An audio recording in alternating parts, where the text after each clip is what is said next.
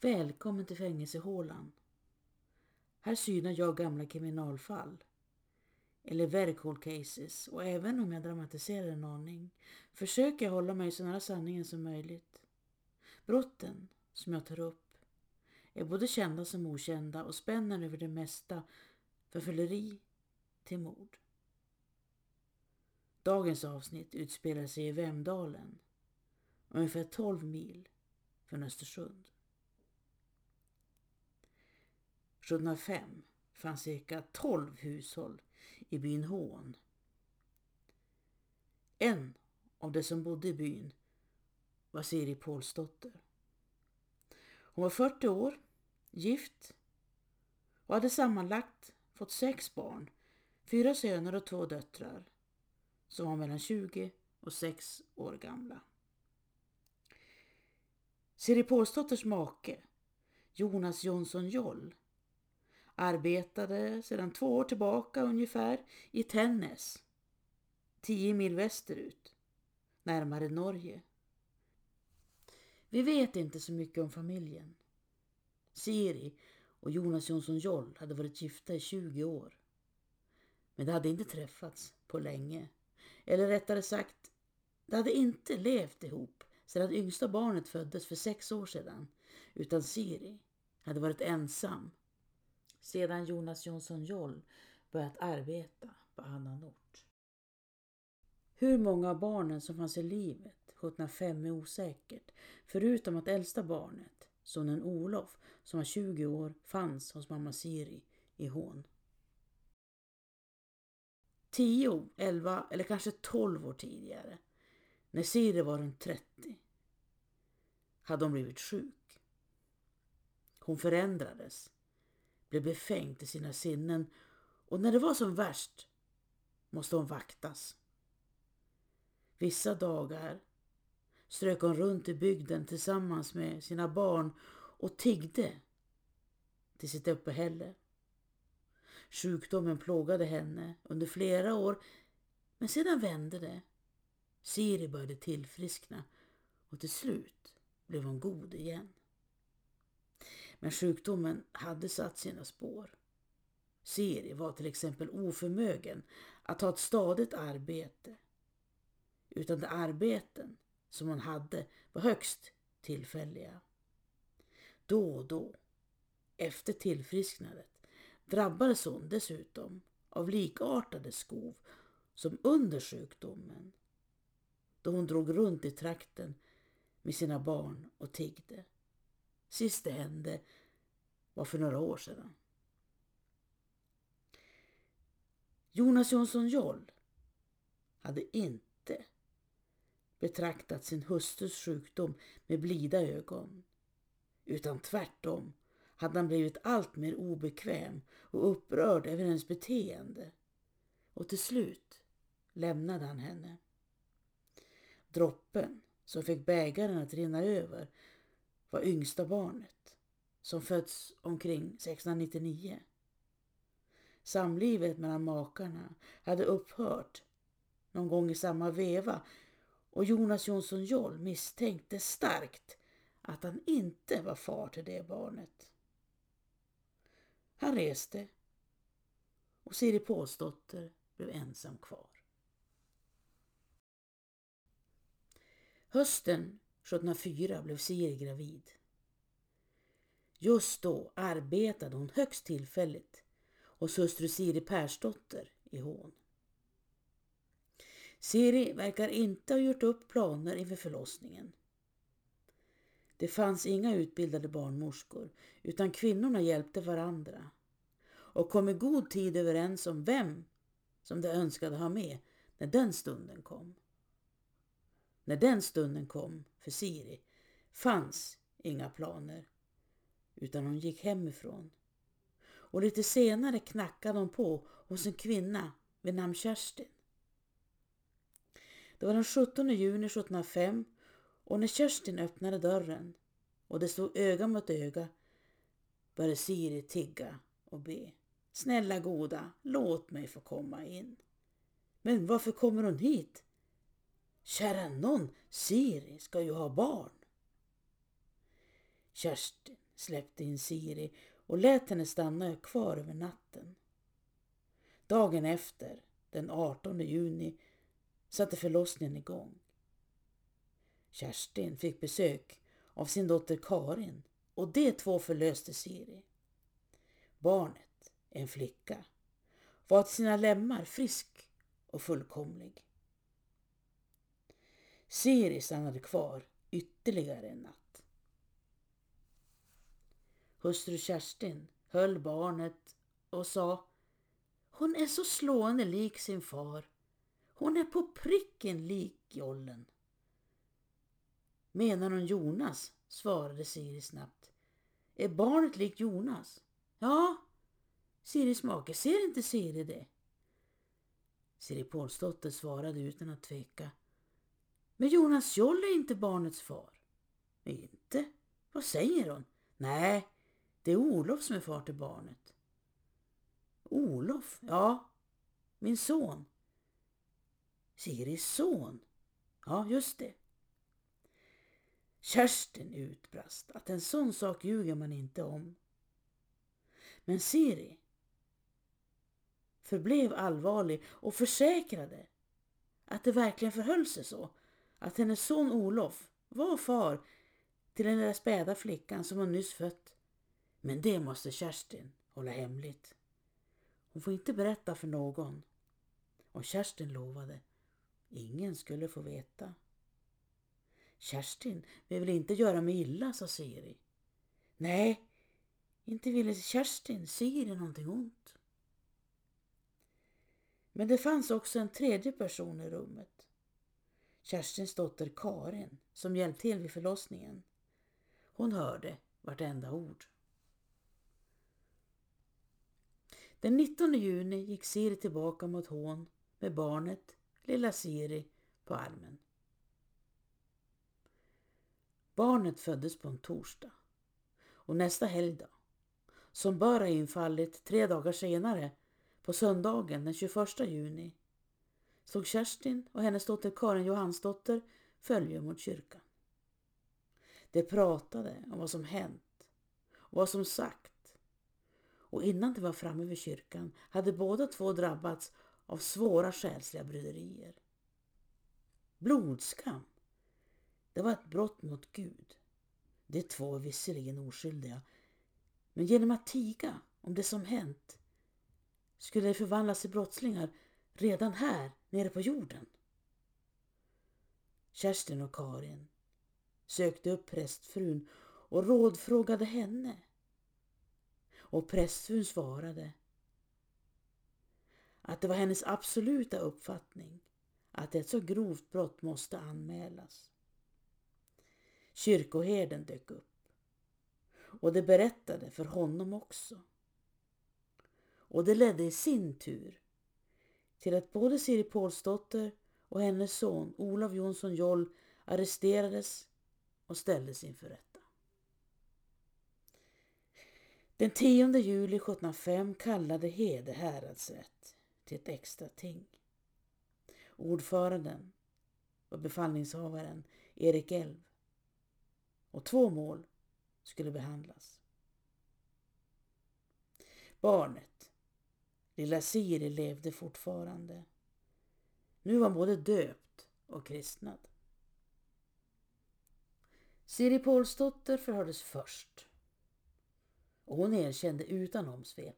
Sonen hade citat besovit henne, slutcitat, en natt i september 1704 och rått henne med barn. Varför? löd sedan frågan. Hur kom det sig att ni begick ett så svårt brott och gjorde en så grov synd? frågade rättens ordförande Erik Elv. Siri berättade att hennes sängkläder hade blivit kvar uppe på Siri Persdotters fäbod. Hon hade ingenstans att lägga sig och i brist på sängplats hade hon lagt sig jämte sonen, Olof i en säng. Och det ledde till att de gjorde synd. Eller som hon uttryckte det, när hon kände att han inte var ovillig hade hon bett honom om kroppsligt umgänge. Olof förhördes sedan. Han erkände också att de legat samman men sa att modern hade bett honom. Hon ville att han skulle röra vid henne och ligga ovanpå henne. Men det var enda gången. Varken före eller efter hade de legat samman eller gjort synd. Olof hade också haft anställning hos Siri Persdotter just då. Och det var i hennes hus som brottet hade begåtts. Efter bekännelsen förhördes Siri och Olof om deras kristendomskunskaper.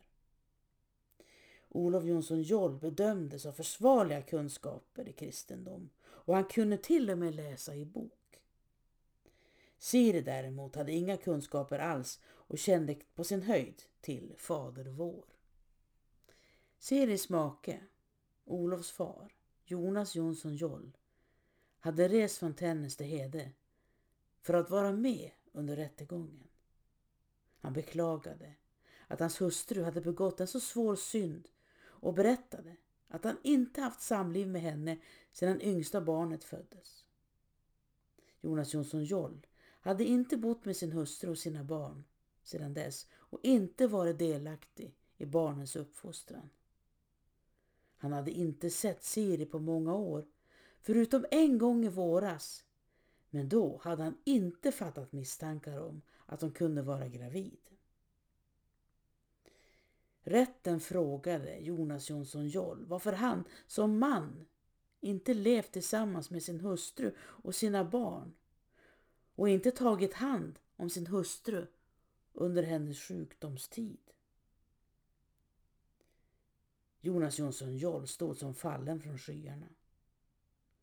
Han hade lämnat sin hustru och sina barn i deras stora nöd. Det var som att han plötsligt begrep och nu var han mycket ledsen och orolig inför utgången av rättssaken och den kommande domen. Rättens ordförande Erik Elv underströk att det var djupt beklagligt att familjen lämnats ensam utan hjälp under så svåra omständigheter. Inte ens kyrkan hade uppmärksammat familjens nöd, vilket kunde bero på att två kyrkoherdar, far och son, hade avgått kort efter varandra just det året, 1704.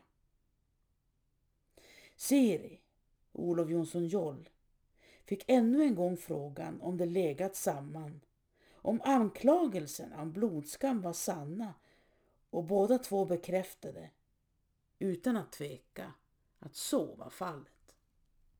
Tre vittnen var kallade hustru Kerstin, hennes dotter Karin Johansdotter hustru Sirid Persdotter i Hån. Två av dem närvarade. Karin Johansdotter skickade bud att hon var för sjuk för att ta sig till tinget. Hustru Kerstin, som påstått att Siris barn var så likt Jonas Joll, bedyrade nu inför tinget att hon inte haft en aning om att Siri Pålsdotter inte längre bodde tillsammans med sin make Jonas Joll. Siri Persdotter i Hån berättar att mor och son Siri och Olof arbetat för henne under förra året.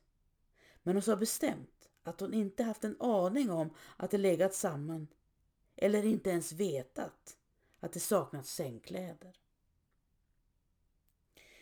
Siri och Olof fick slutligen för tredje gången frågan om de verkligen ägnat sig åt otukt och båda två stod fast vid sina jakade svar. Sedan var det mesta sagt. Siri Pålsdotter och Olof Jonsson Joll hade båda frivilligt erkänt och berättat att de ägnat sig åt blodskam med varandra. Olof hade poängterat att det bara skett en enda gång. Men i lagens ögon saknade det betydelse. Hur många gånger det skett i verkligheten eller varför visste de bara själva. Redan samma dag, den 10 juli 1705, dömdes Siri Pålsdotter och Olof Jonsson Joll till döden för blodskam, till välförtjänt straff och till andom till skräck och åtvarning att mista sina liv. Siri Pålsdotter skulle halshuggas och båle brännas. Olof Jonsson Joll skulle halshuggas och steglas. Hans huvud sättas på en påle och kroppen läggas på ett stägel. Vid stegling fästes kroppen vid ett vagnshjul som sattes fast på en påle. Ofta placerades stegen vid en större väg så passerande kunde se kroppen och hur fåglarna åt på den. Myndigheterna i Vemdalen fick i uppdrag att stå för barnets, lilla Siris försörjning och uppfostran. Rättssaken var avklarad och delikvinterna fördes ut. Sedan var det dags för nästa mål. En efterlyst desertör som gripits i Vemdalen. Sverige låg ju i krig. Den 2 augusti fastställde hovrätten dödsdomarna mot Siri och Olof och dödsstraffet verkställdes på Stegelbacken vid Hedeviken, förmodligen redan under augusti månad av böden Anders Persson Travare som rest till Vemdalen från Gävle. Siri Pålsdotter var svårt märkt av sin sjukdom och vad den krävt av henne. Hon hade dragit runt och tiggt i okända trakter tillsammans med sina barn och hennes liv hade förvandlats till misär och förnedring. Jonas Jonsson Joll lämnade sina barn hos en mor med psykisk ohälsa som inte klarade av uppgiften. Olof fick ta hand om sin mor före tonåren. Modern blev hans ansvar. Och banden mellan mor och son var starka och gränserna suddades ut. Jonas Jonsson Joll skrapade bara lite på ytan under rättegången. Men han verkade ändå inse att han hade ett ansvar trots allt.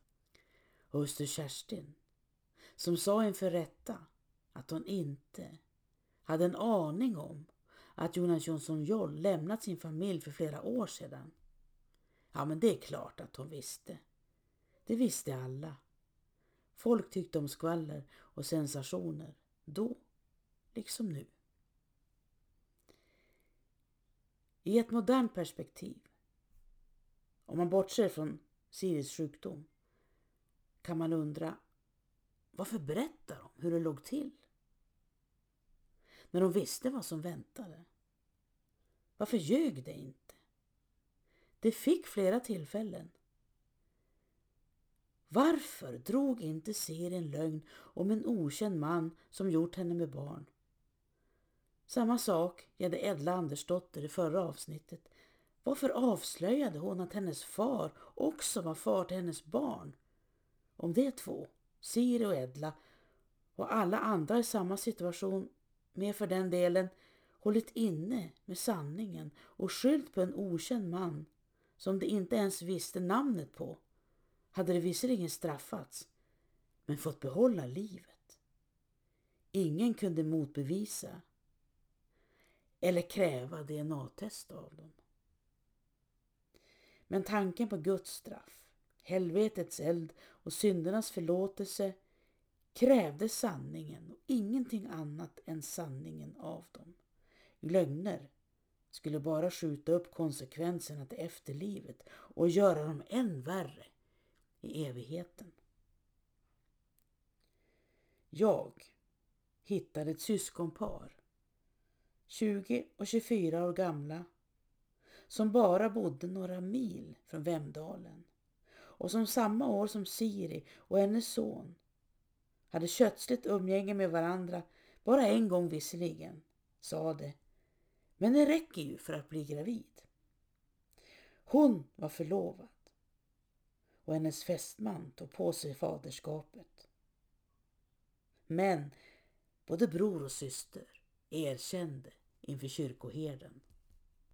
Och både bror och syster dömdes till döden och avrättades några månader innan Siri och Olof Jonsson Joll Men det är svårt att sätta sig in i dåtida perspektiv och det är klart att det fanns det som ljög. Men deras historier stannade under ytan. Siri och hennes son Olof fick inte ligga i vigd jord. Det var en del av själva dödsstraffet. Nu står två små träkors på den plats där det avrättades. Vinden susar i träden och frid ligger över marken.